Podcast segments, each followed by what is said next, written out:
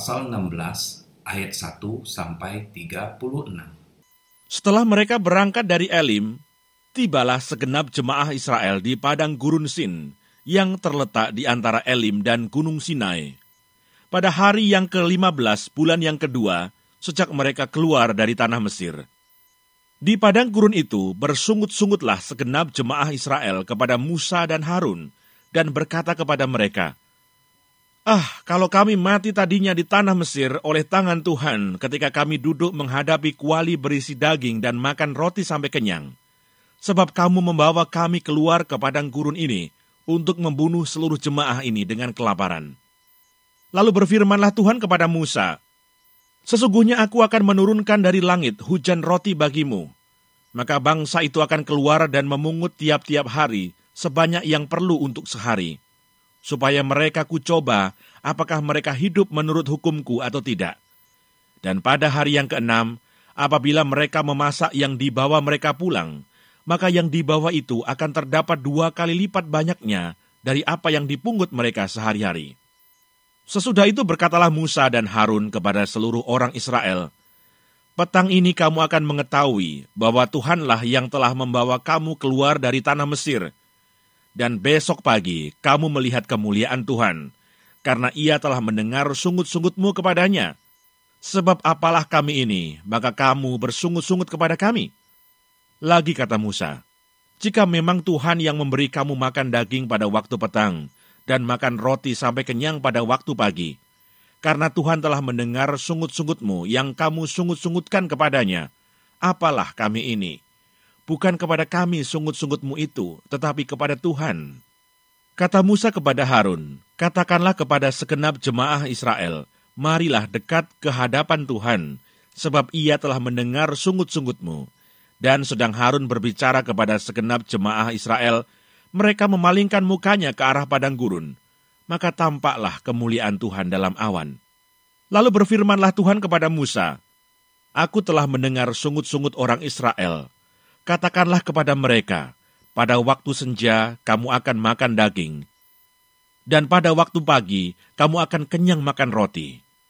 Maka kamu akan mengetahui bahwa akulah Tuhan Allahmu. Pada waktu petang datanglah berduyun-duyun burung puyuh yang menutupi perkemahan itu. Dan pada waktu pagi terletaklah embun sekeliling perkemahan itu. Ketika embun itu telah menguap, tampaklah pada permukaan padang gurun sesuatu yang halus, sesuatu yang seperti sisik, halus seperti embun beku di bumi. Ketika orang Israel melihatnya, berkatalah mereka seorang kepada yang lain, "Apakah ini?" Sebab mereka tidak tahu apa itu. Tetapi Musa berkata kepada mereka, Inilah roti yang diberikan Tuhan kepadamu menjadi makananmu. Beginilah perintah Tuhan, pungutlah itu, tiap-tiap orang menurut keperluannya. Masing-masing kamu boleh mengambil untuk seisi kemahnya, segomer seorang menurut jumlah jiwa. Demikianlah diperbuat orang Israel. Mereka mengumpulkan, ada yang banyak, ada yang sedikit. Ketika mereka menakarnya dengan gomer, maka orang yang mengumpulkan banyak tidak kelebihan, dan orang yang mengumpulkan sedikit tidak kekurangan. Tiap-tiap orang mengumpulkan menurut keperluannya. Musa berkata kepada mereka, Seorang pun tidak boleh meninggalkan daripadanya sampai pagi.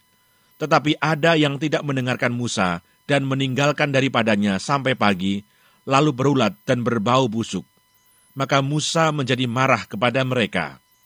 Setiap pagi mereka memungutnya, tiap-tiap orang menurut keperluannya. Tetapi ketika matahari panas, cairlah itu. Dan pada hari yang keenam, mereka memungut roti itu dua kali lipat banyaknya, dua gomer untuk tiap-tiap orang. Dan datanglah semua pemimpin jemaah memberitahukannya kepada Musa. Lalu berkatalah Musa kepada mereka, Inilah yang dimaksudkan Tuhan. Besok adalah hari perhentian penuh, sabat yang kudus bagi Tuhan maka roti yang perlu kamu bakar, bakarlah. Dan apa yang perlu kamu masak, masaklah. Dan segala kelebihannya, biarkanlah di tempatnya untuk disimpan sampai pagi. Mereka membiarkannya di tempatnya sampai keesokan harinya, seperti yang diperintahkan Musa. Lalu tidaklah berbau busuk dan tidak ada ulat di dalamnya. Selanjutnya kata Musa, Makanlah itu pada hari ini, sebab hari ini adalah sabat untuk Tuhan Pada hari ini tidaklah kamu mendapatnya di padang. Enam hari lamanya kamu memungutnya, tetapi pada hari yang ketujuh ada sabat, maka roti itu tidak ada pada hari itu. Tetapi ketika pada hari ketujuh ada dari bangsa itu yang keluar memungutnya, tidaklah mereka mendapatnya. Sebab itu Tuhan berfirman kepada Musa, Berapa lama lagi kamu menolak mengikuti segala perintahku dan hukumku? Perhatikanlah, Tuhan telah memberikan sabat itu kepadamu. Itulah sebabnya pada hari keenam, ia memberikan kepadamu roti untuk dua hari. Tinggallah kamu di tempatmu masing-masing, seorang pun tidak boleh keluar dari tempatnya pada hari ketujuh itu. Lalu beristirahatlah bangsa itu pada hari ketujuh. Umat Israel menyebutkan namanya, mana warnanya putih seperti ketumbar, dan rasanya seperti rasa kue madu. Musa berkata, Beginilah perintah Tuhan, ambillah segomer penuh untuk disimpan turun-temurun, supaya keturunan mereka melihat roti yang kuberi kamu makan di padang gurun, ketika aku membawa kamu keluar dari tanah Mesir. Sebab itu Musa berkata kepada Harun, Ambillah sebuah buli-buli, taruhlah mana di dalamnya segomer penuh, dan tempatkanlah itu di hadapan Tuhan untuk disimpan turun-temurun. Seperti yang diperintahkan Tuhan kepada Musa, demikianlah buli-buli itu ditempatkan Harun di hadapan tabut hukum Allah untuk disimpan. Orang Israel makan mana empat puluh tahun lamanya, sampai mereka tiba di tanah yang didiami orang. Mereka makan mana sampai tiba di perbatasan tanah Kanaan. Adapun segomer ialah sepersepuluh eva. Sahabat, hidup memang tidak bisa tidak makan dan minum. Tetapi makan dan minum tidak menentukan seseorang akan terus hidup. Mungkin ketika bangsa Israel sampai di padang gurun Sin, persediaan makanan yang mereka bawa dari Mesir sudah semakin menipis dan mereka tidak kenyang dengan makanan yang ada. Ketika perut mulai lapar, mereka bersungut-sungut dan menyalakan Tuhan dan Musa yang membawa mereka keluar dari Mesir. Dalam keadaan lapar, pikiran mereka kembali teringat akan Mesir. Walau badan tertindas, tetapi perut tetap kenyang. Satu hal yang perlu kita renungkan. Dalam perjalanan mereka, mereka tidak dapat bercocok tanam gandum, sehingga bisa dimaklumi jika mereka meminta roti. Tetapi mengapa mereka juga meminta daging? Bukankah mereka memiliki banyak ternak yang mungkin bisa mereka potong untuk memuaskan keinginan mereka makan daging? Mengapa Tuhan selain memberikan mana untuk membuat roti, dia juga memberikan daging, yaitu burung puyuh. Tuhan sangat mengerti akan bangsa Israel. Dan dia juga sangat mengerti siapa kita. Mungkin tidak hanya rakus, tetapi juga tamak. Tidak mau makan milik sendiri dan meminta Tuhan bertanggung jawab untuk setiap kebutuhan dan keinginan mereka.